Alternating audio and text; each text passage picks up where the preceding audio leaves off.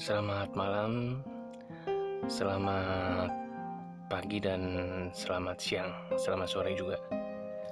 Uh, saya cukup lama sekali uh, tidak upload cerita, mohon maaf. Uh, konsisten itu ternyata susah sekali ya, apalagi uh, saya ini punya background karyawan iya, terus saya juga ada sampingan usaha. Jadi uh, bagi waktunya itu cukup susah sekali. Uh, mungkin saya akan cerita backgroundnya sedikit lah. Sebenarnya nggak penting juga sih.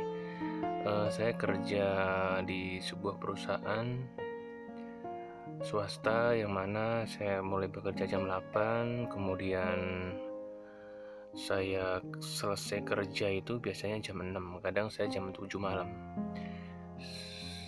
Uh, di samping itu saya juga ada usaha online gitu. Uh, ketika saya kerja dari pagi sampai sore itu saya juga sembari melayani lah via chat terus segala macam kemudian setelah pulang setelah selesai ya jam 6 atau jam 7 malam saya packing dan kirim barang tuh biasanya selesai jam 10 malam. Jadi ya rutin tiap hari kayak gitu. Hari Sabtu dan Minggu libur sih cuma tetap aja.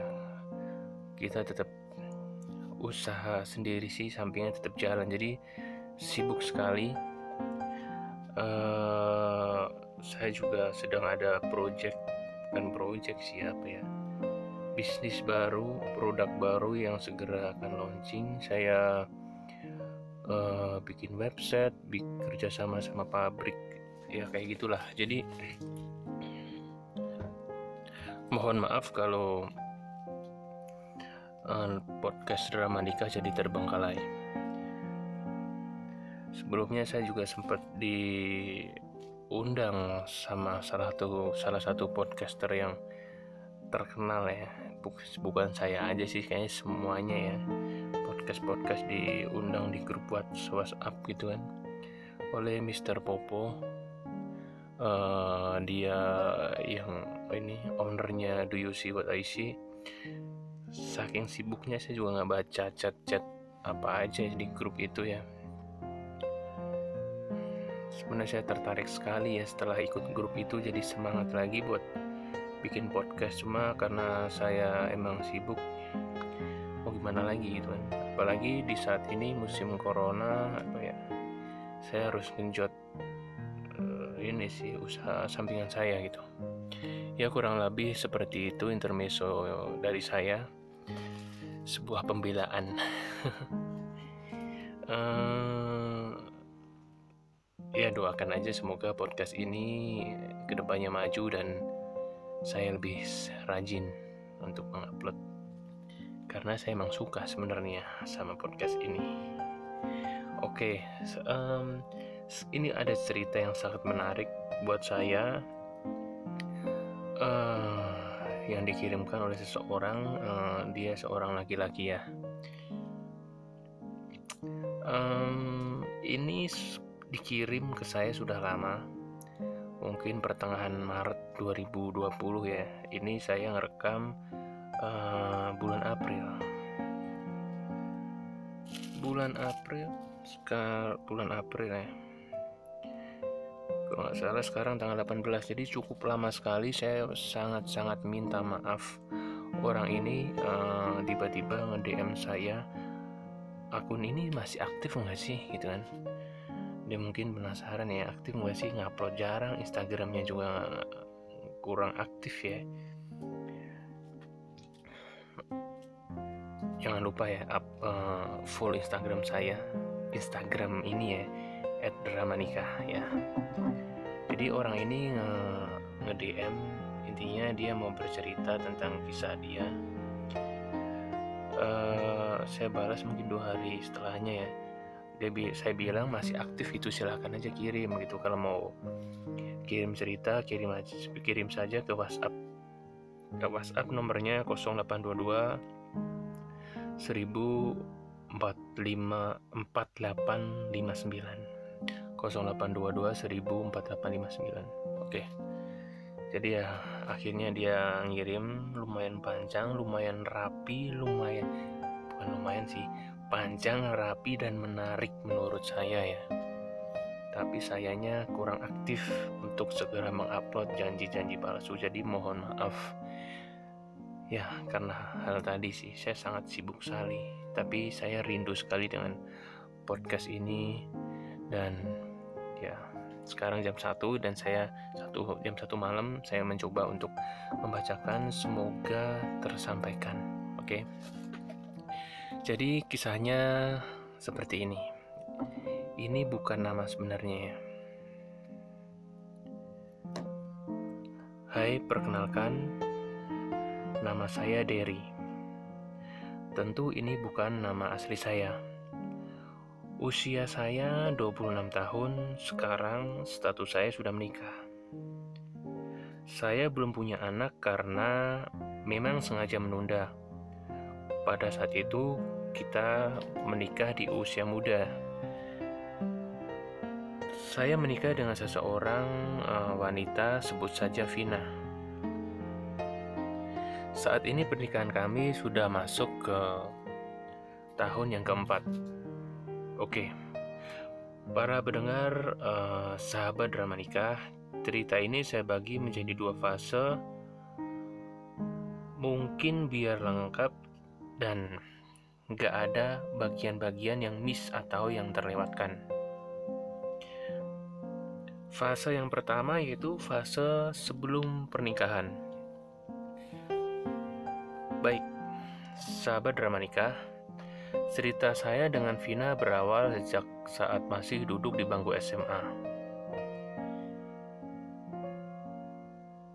Kami berpacaran cukup lama, sekitar sampai tujuh tahun, sampai akhirnya kami menikah.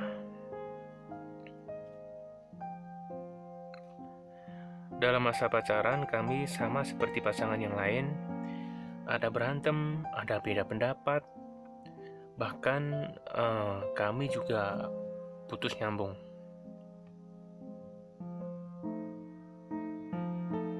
Sebenarnya uh, permasalahan itu uh, sepele ya, tapi ada permasalahan yang lebih berat yaitu justru setelah ada acara pertemuan uh, antar uh, kedua keluarga kami. Oh ya, Vina ini dari kecil uh, tidak hidup dengan orang tuanya ya. Orang tua orang tua kandungnya ada di luar negeri, jadi Vina hidup di Jakarta sejak kecil dengan tantenya.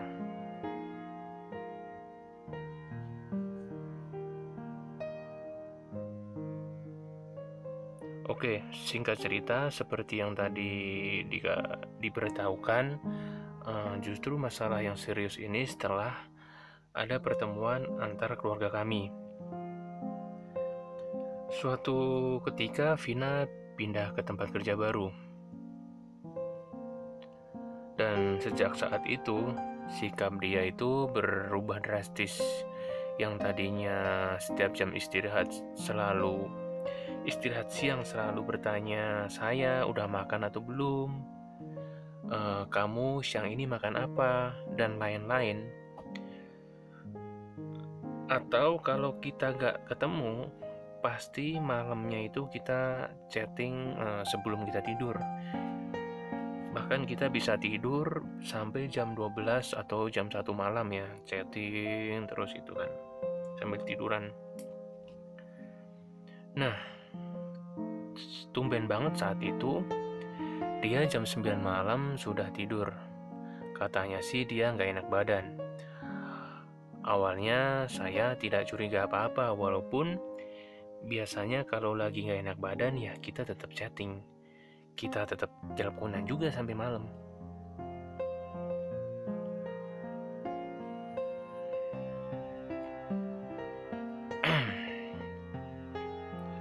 Oke, okay, uh, eh, keesok harinya pun ternyata tidak ada kabar juga. Biasanya kalau pagi sebelum berangkat kerja kita saling berkabar. Setidaknya pamitlah aku berangkat kerja ya gitu kan.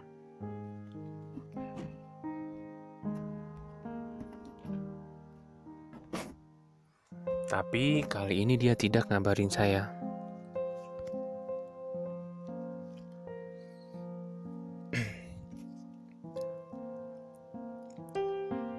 Bahkan uh, waktu itu uh, saya juga sempat pamit ya. Jadi saya berangkat, saya pamit duluan dan tapi tetap tidak dibalas juga oleh ini cewek saya. Kemudian saat jam jam makan siang pun saya lihat chat saya belum juga dibalas. Bahkan tidak dibuka ya, tidak dibaca. Ketika saya telepon, tidak diangkat juga. Jadi saya juga sempat telepon dia beberapa kali. Sekali nggak diangkat, kedua nggak diangkat tapi ketiga bahkan di reject gitu.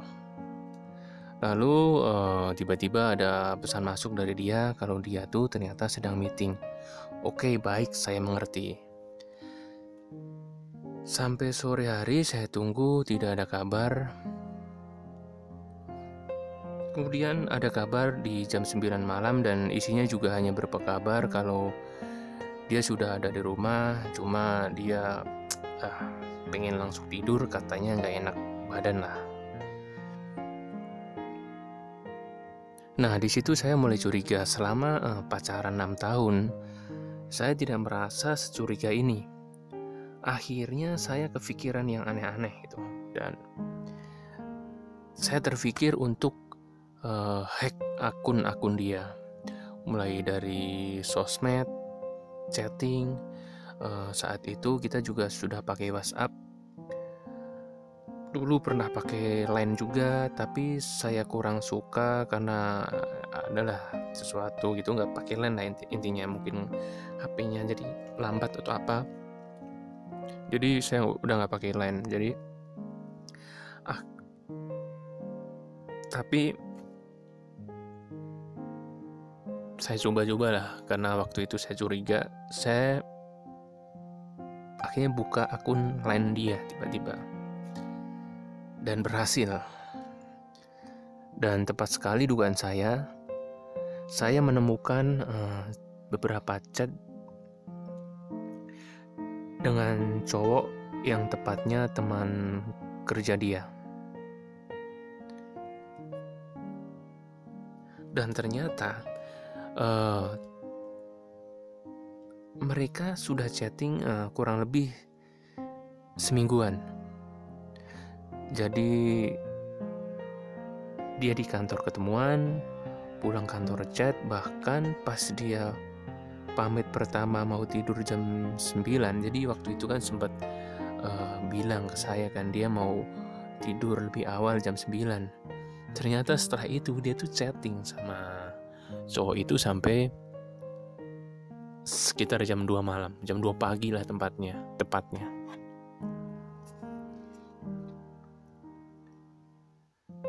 Dan hari kedua pun tetap kejadian seperti itu berulang lagi. Jadi setelah itu saya tahu itu pikiran jadi sangat kacau. Uh, saya akhirnya ber mencoba inisiatif untuk minta ketemu besok dengan cewek saya ini. Tapi dia nggak mau. Dia menolak Akhirnya, pagi-pagi buta sebelum berangkat, kerja, saya nekat ke rumahnya. Saya tanya ada apa gitu kan. Ada masalah apa, tapi dia nggak menjawab. Terus, uh, saya sebelumnya nggak pernah nggak menanyakan dulu tentang teman kerjanya itu, tapi karena dia kekeh nggak nggak jawab, kenapa dia tiba-tiba berubah? Akhirnya saya langsung menyebut nama teman kerjanya itu. Saya saya tanya, dia itu siapa? Dia hanya jawab hanya jawab cuma teman kerja. Dia jawab itu sambil kabur berangkat kerja. Saya sebenarnya nggak pengen ribut uh, di rumah dia gitu kan. Jadi saya biarkan aja dia pergi berangkat kerja. Oh iya, saya lupa ngasih tahu. Sebenarnya kami berdua ini sangat posesif Bahkan sampai level gak boleh ada chat pribadi antar lawan jenis. Maksudnya lawan jenis itu termasuk teman termasuk sahabat itu nggak boleh ya saking posesifnya seperti itu sampai tingkat itu tapi kalau ada urusan yang sangat penting kayak berhubungan dengan kerjaan masih boleh tapi ya kalau yang nggak boleh itu kayak sok perhatian gitulah nanya lagi apa udah makan atau belum yang ke arah-arah modus lah. Nah itu kita nggak mau ada chat seperti itu. Karena dari dari dulu kita prinsipnya lebih baik mencegah daripada uh, mengobati lah daripada udah kejadian seperti itu.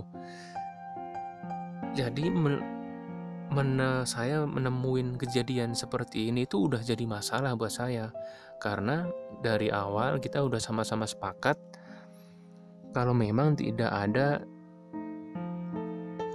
kalau memang tidak mau ada uh, chat seperti itu.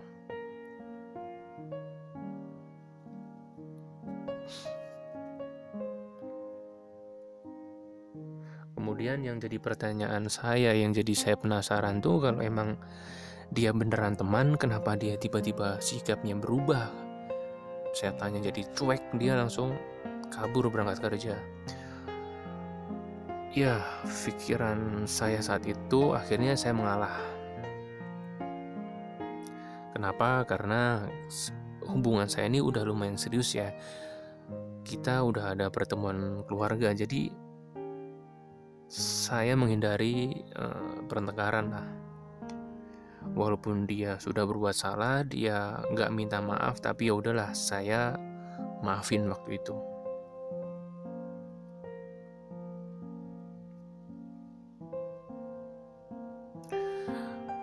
Setelahnya saya juga sempat mengingatkan ke dia ya.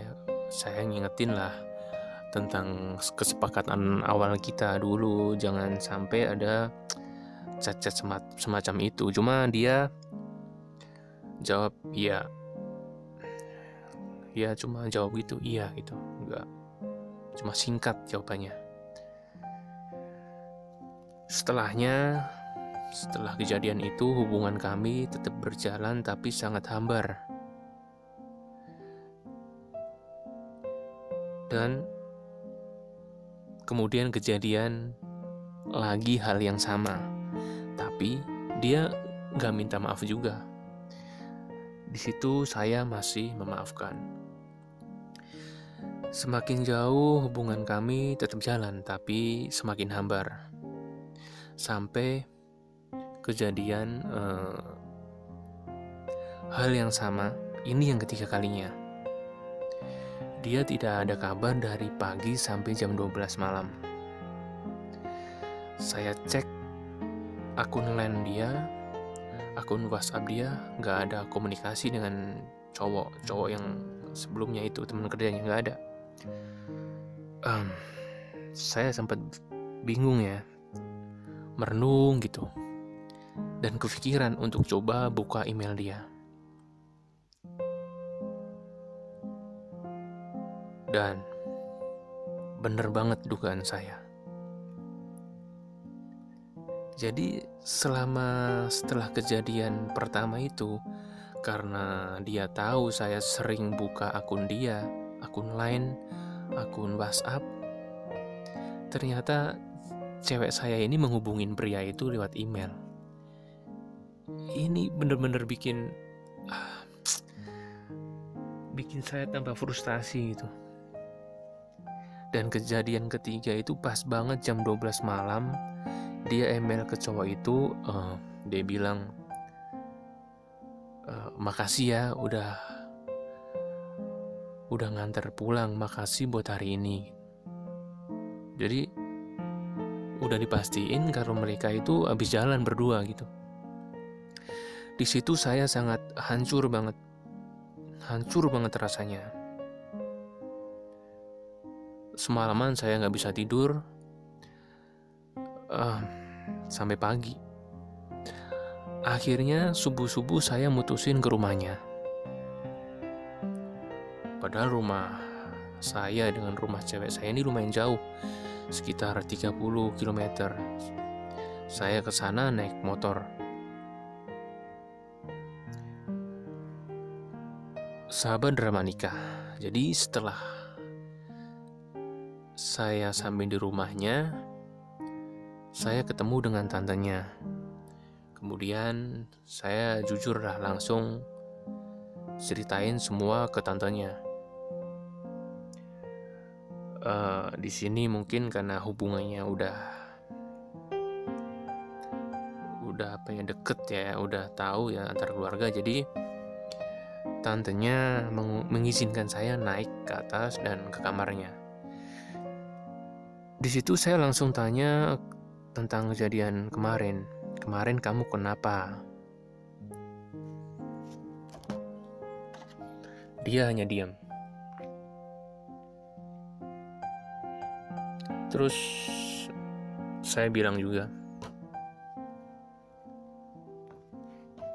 ini hubungan kita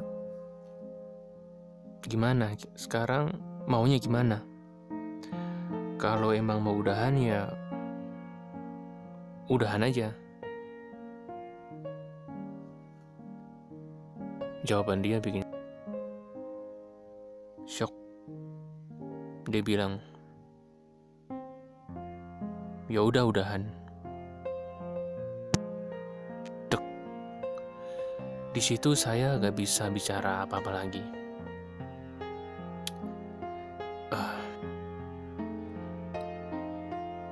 Saya diam. Saya diam. Itu enggak bukan jawaban harapan saya sebenarnya tapi saya nggak bisa apa-apa. Saya diam turun ke bawah. Kemudian saya lanjut berangkat kerja.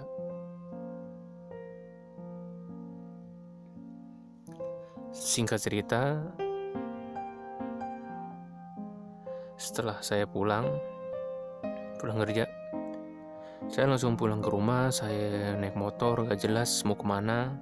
Ya itu udah jam pulang kerja ya harusnya saya pulang ke rumah. Harusnya saya pulang ke rumah. Saya naik motor gak jelas. Saya nangis. Nangis di motor. Sampai saya tuh nggak kuat.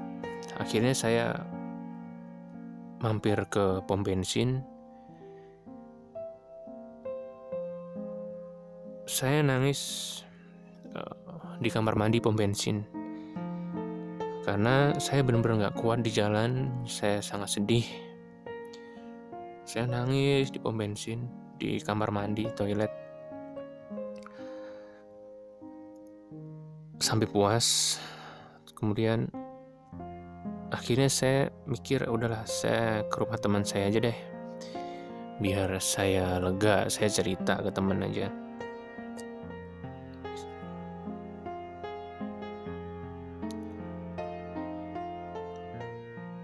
saya merasa sebagai laki-laki ngerasa bodoh banget, nggak punya harga diri.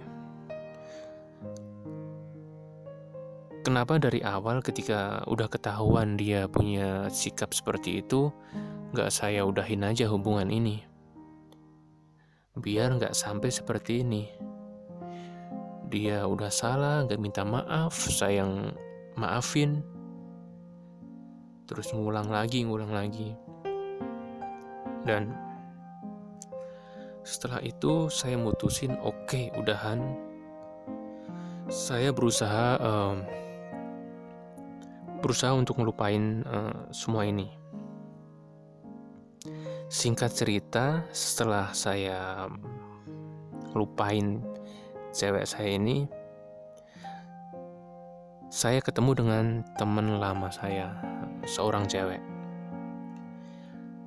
di situ kita setelah ketemu kita saling dekat. Dan uh, kita mulai nyaman lah.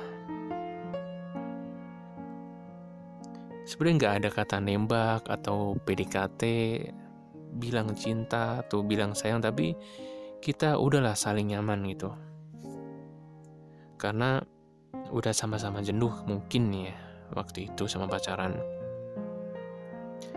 Nah, ketika saya udah mulai deket dengan teman lama saya ini, tiba-tiba Vina hubungin saya lagi. dan saya udah bisa nebak apa maksudnya. Dan mungkin teman-teman drama nikah udah tahu. Sudah ketebak. Dia minta balik lagi. Minta balikan lagi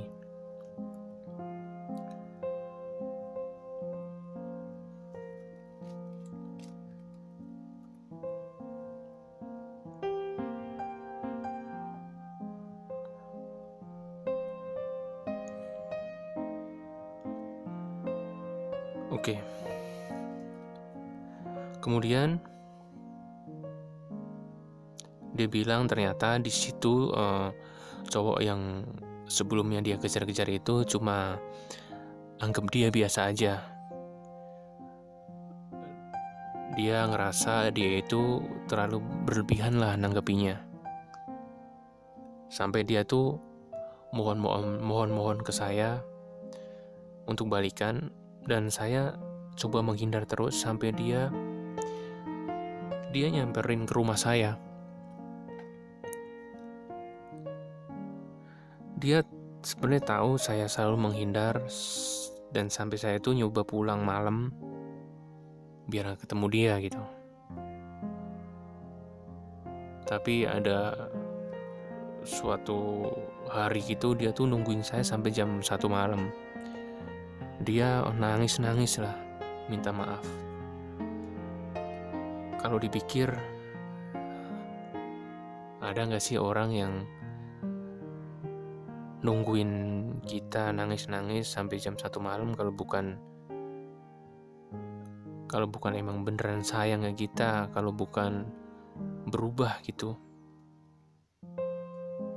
Mungkin dia berubah ya, mungkin dia benar-benar menyesal, ya kan? Mana ada gitu kan? Oke setelah itu akhirnya saya luluh kemudian saya menerima dia kembali tapi uh, dengan dua syarat. Syarat yang pertama dia harus kontrol emosi dia karena dia tuh orangnya jujur gampang emosi. Mau lagi hide mau enggak tetap aja emosi. Hal-hal yang harusnya sepele tapi harusnya biasa aja dia tuh marah besar. Makanya saya minta dia tuh redam emosinya lah. Karena saya tahu betul kenal betul sama dia. Kemudian syarat yang kedua saya nggak mau lagi ada orang yang ketiga. Karena saya benar-benar itu udah kesalahan yang sangat-sangat fatal dan gak saya ampuni kalau kejadian lagi. Singkat cerita, akhirnya kita menikah.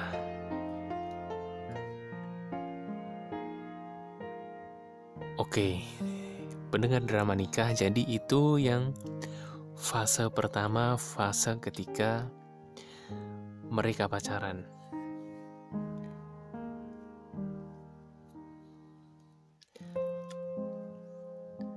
Yang setelah ini yaitu fase setelah menikah. Oke, saya lanjutkan. Para pendengar drama nikah, akhirnya kita menikah.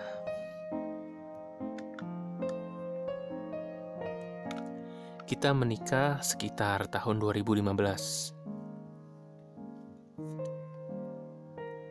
Satu bulan pernikahan satu bulan pernikahan kami berjalan baik-baik aja. Tapi setelah itu Vina kambuh lagi. Kambuh bukan orang ketiga sih, tapi soal emosinya yang tadi sempat uh, saya sebutkan yaitu syarat pertama tentang emosi dia yang tidak stabil ya. Dia kambuh emosinya. Ini sebenarnya yang saya takutkan dari awal, kalau dia tuh nggak bisa ngontrol emosinya. Apalagi kalau sudah menikah. Kan pernikahan kan hubungan yang serius ya. Kita harus memikirkan sesuatu tuh dengan kepala tenang agar hal-hal yang tidak diinginkan itu terjadi. Hal-hal kecil jujur aja bisa memicu kemarahan dia. Contoh deh yang sepele. Misalnya ada hal yang sepele, kalau dia marah, dia tuh bisa cuekin saya sampai semalaman. Bahkan dia tuh dengan entengnya kadang ngucapin kata pisah walaupun kita udah menikah. Dan dia ngucapin kata pisah itu terjadi pada bulan ketiga. Padahal masalah sepele banget, bukan masalah orang ketiga. Kemudian pelayanan dia sebagai istri juga nggak seperti yang saya kita bicarakan dahulu lah. Pokoknya beda selama kita menikah tuh saya sangat um, ketika mau menikah tuh saya kayak membayangkan uh, kehidupan pernikahan yang harmonis, saling menyayangi, saling perhatian, tapi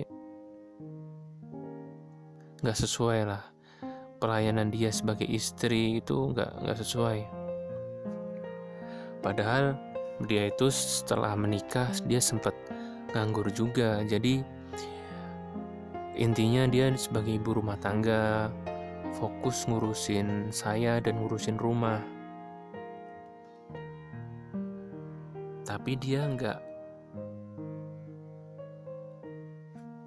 melakukan uh, kewajiban dia sebagai seorang istri. Jadi tahun pertama oke okay lah saya sabar. Saya hanya diam walaupun dia kadang emosinya tiba-tiba meluap-luap walaupun dia tuh di rumah saya kerja tapi dia sering emosi. Saya hanya diam. Dan saya nggak saya nggak melayani lah saya cuekin aja. Kemudian uh, maaf ya. Contoh saya beberapa kali ketika ajak berhubungan lah suami istri dia sering nolak. Uh, capek lah apalah padahal di situ dia emang kerja di rumah dan waktu itu juga seperti tadi yang disebutkan dia belum mempunyai anak ya. Ketika saya bekerja, dia saya berangkat kerja pagi, dia masih tidur, belum bangun. Saya sabarlah, saya diamkan aja, mungkin dia emang capek. Kemudian sorenya ketika saya pulang kerja, dia nggak menyiapkan makanan, dia nggak belilah di, atau apa beli dia nggak masak juga. Padahal uang belanja saya rutin uh, kasihlah ke istri saya. Kadang juga sering kejadian ketika saya berangkat kerja nih saya mau nyari baju. Ternyata baju-baju saya itu masih kotor gitu belum dicuci gitu. di lemari nggak ada ternyata di tempat cuci belum dicuci saya heran. Di rumah tuh seharian ngapain? Saya walaupun dia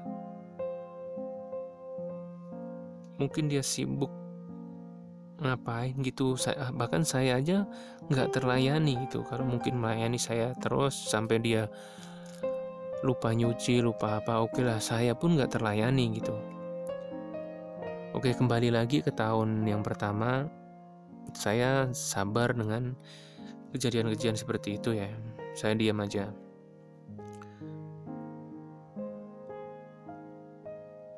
Bukannya saya tidak mau membicarakan ya. Justru saya selalu terbuka ya dengan istri saya itu. Saya itu terbuka ya dari sebelum nikah setelah nikah apa aja saya selalu saya ceritakan saya kasih tahu itu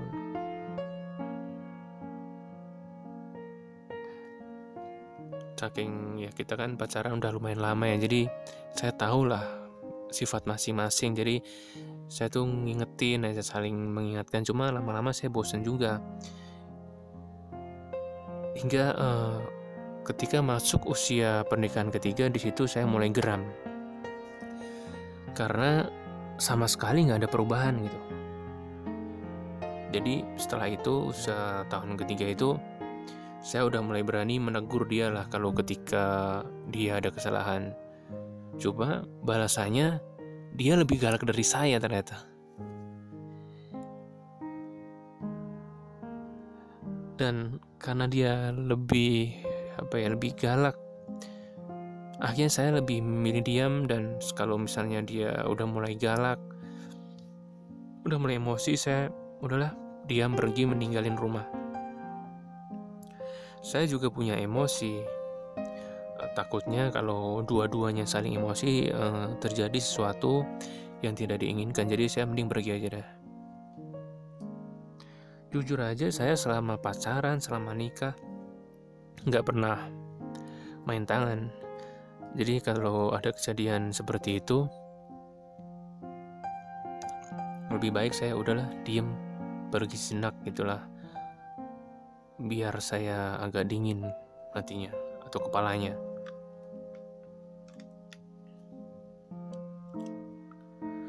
Di tahun ketiga itu saya uh, mulai jenuh jenuh banget pernikahan ini hubungan ini. Sampai ada di suatu titik saya tuh benar-benar hilang rasa saya terhadap istri. Rasa saya tuh rasa sayangnya tuh hilang. Karena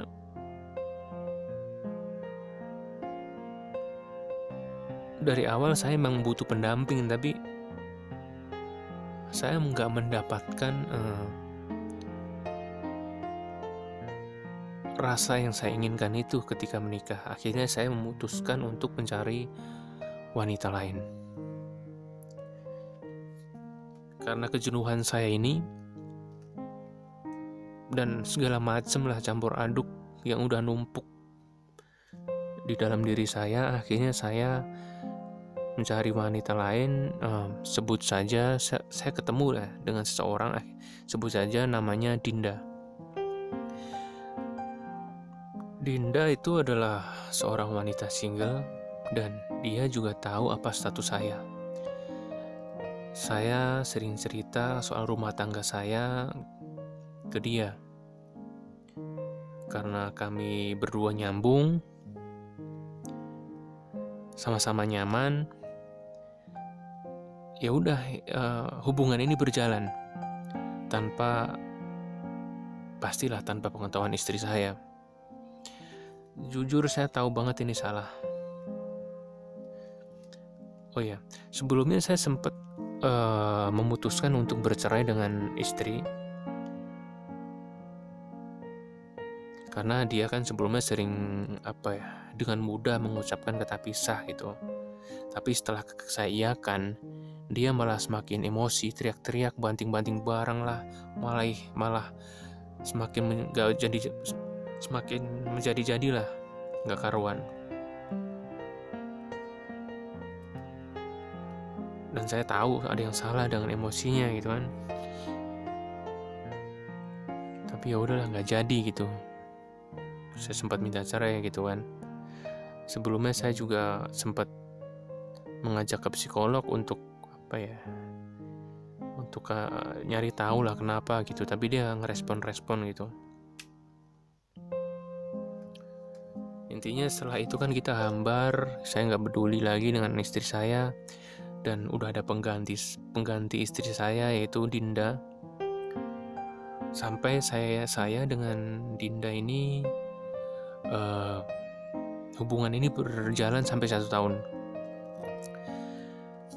Dinda tahu kalau ini salah. Dia kerap juga minta keseriusan saya. Karena dia nggak mau juga dicap sebagai perebut suami orang atau selingkuhan. Bahkan sampai uh, karena dia sering minta keseriusan ke saya dia dan saya nggak apa ya menggantung gitulah Lama-lama dia menghindar dari saya. Dia bilang, "Jangan hubungin saya dulu ya. Kamu urusin dulu istri kamu."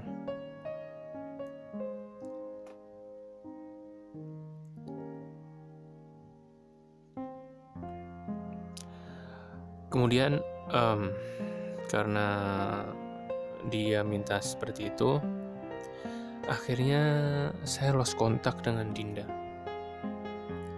saya lost kontak dengan dia sekitar enam bulan.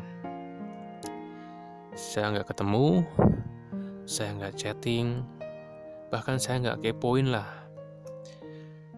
Uh, intinya waktu itu saya udahlah saya serahin ke Tuhan. Dan di situ saya melihat ada perubahan terhadap istri saya. Ada perbaikan, walaupun tetap adalah sedikit-sedikit emosinya yang kadang-kadang naik. Nah,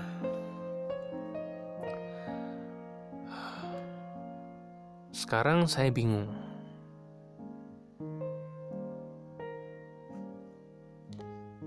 istri saya uh, makin ke sini berubah lebih baik lah. Tapi jujur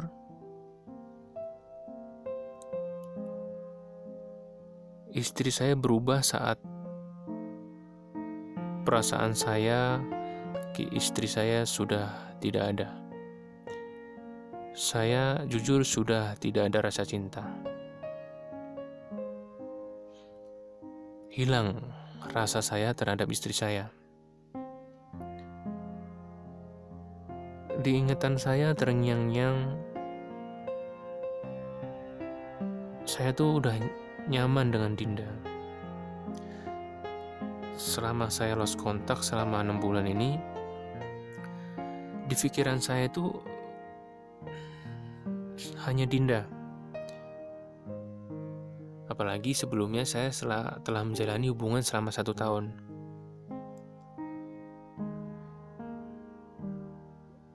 Saya bingung kalau saya mencoba untuk mencintai istri saya lagi. Saya takut kalau emosi istri saya itu ke depannya berubah lagi, kambuh lagi. Jujur, saya takut menjalani hubungan dengan istri saya. Karena gak pasti menurut saya dia bakal berubah beneran atau tidak. Saya trauma dengan masa lalu istri saya. Saya kepikiran gimana kalau misalnya misalnya udah punya anak dan dia tuh emosian seperti itu. Bahkan gimana kalau kita udah tua nanti gitu kita hidup berdua dengan kondisi seperti itu saya nyaman nggak ya jadi saya sempat berpikir gimana kalau saya udahin aja kali ya. Mumpung saya belum punya anak sama dia. Kasihan kan kalau udah punya anak tiba-tiba di tengah tengah kita cerai kasihan anak itu tapi di situ saya juga semakin bingung karena saya memikirkan perasaan orang tua saya tapi saya benar-benar udah nggak ada rasa dengan istri saya udah nggak cinta gitu rasa sayang saya sudah sama orang lain. Saya harus bagaimana sekarang?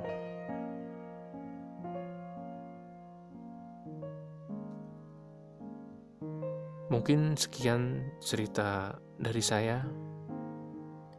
Terima kasih sudah bisa menjadi tempat curhat. Semoga cerita saya ini ada manfaatnya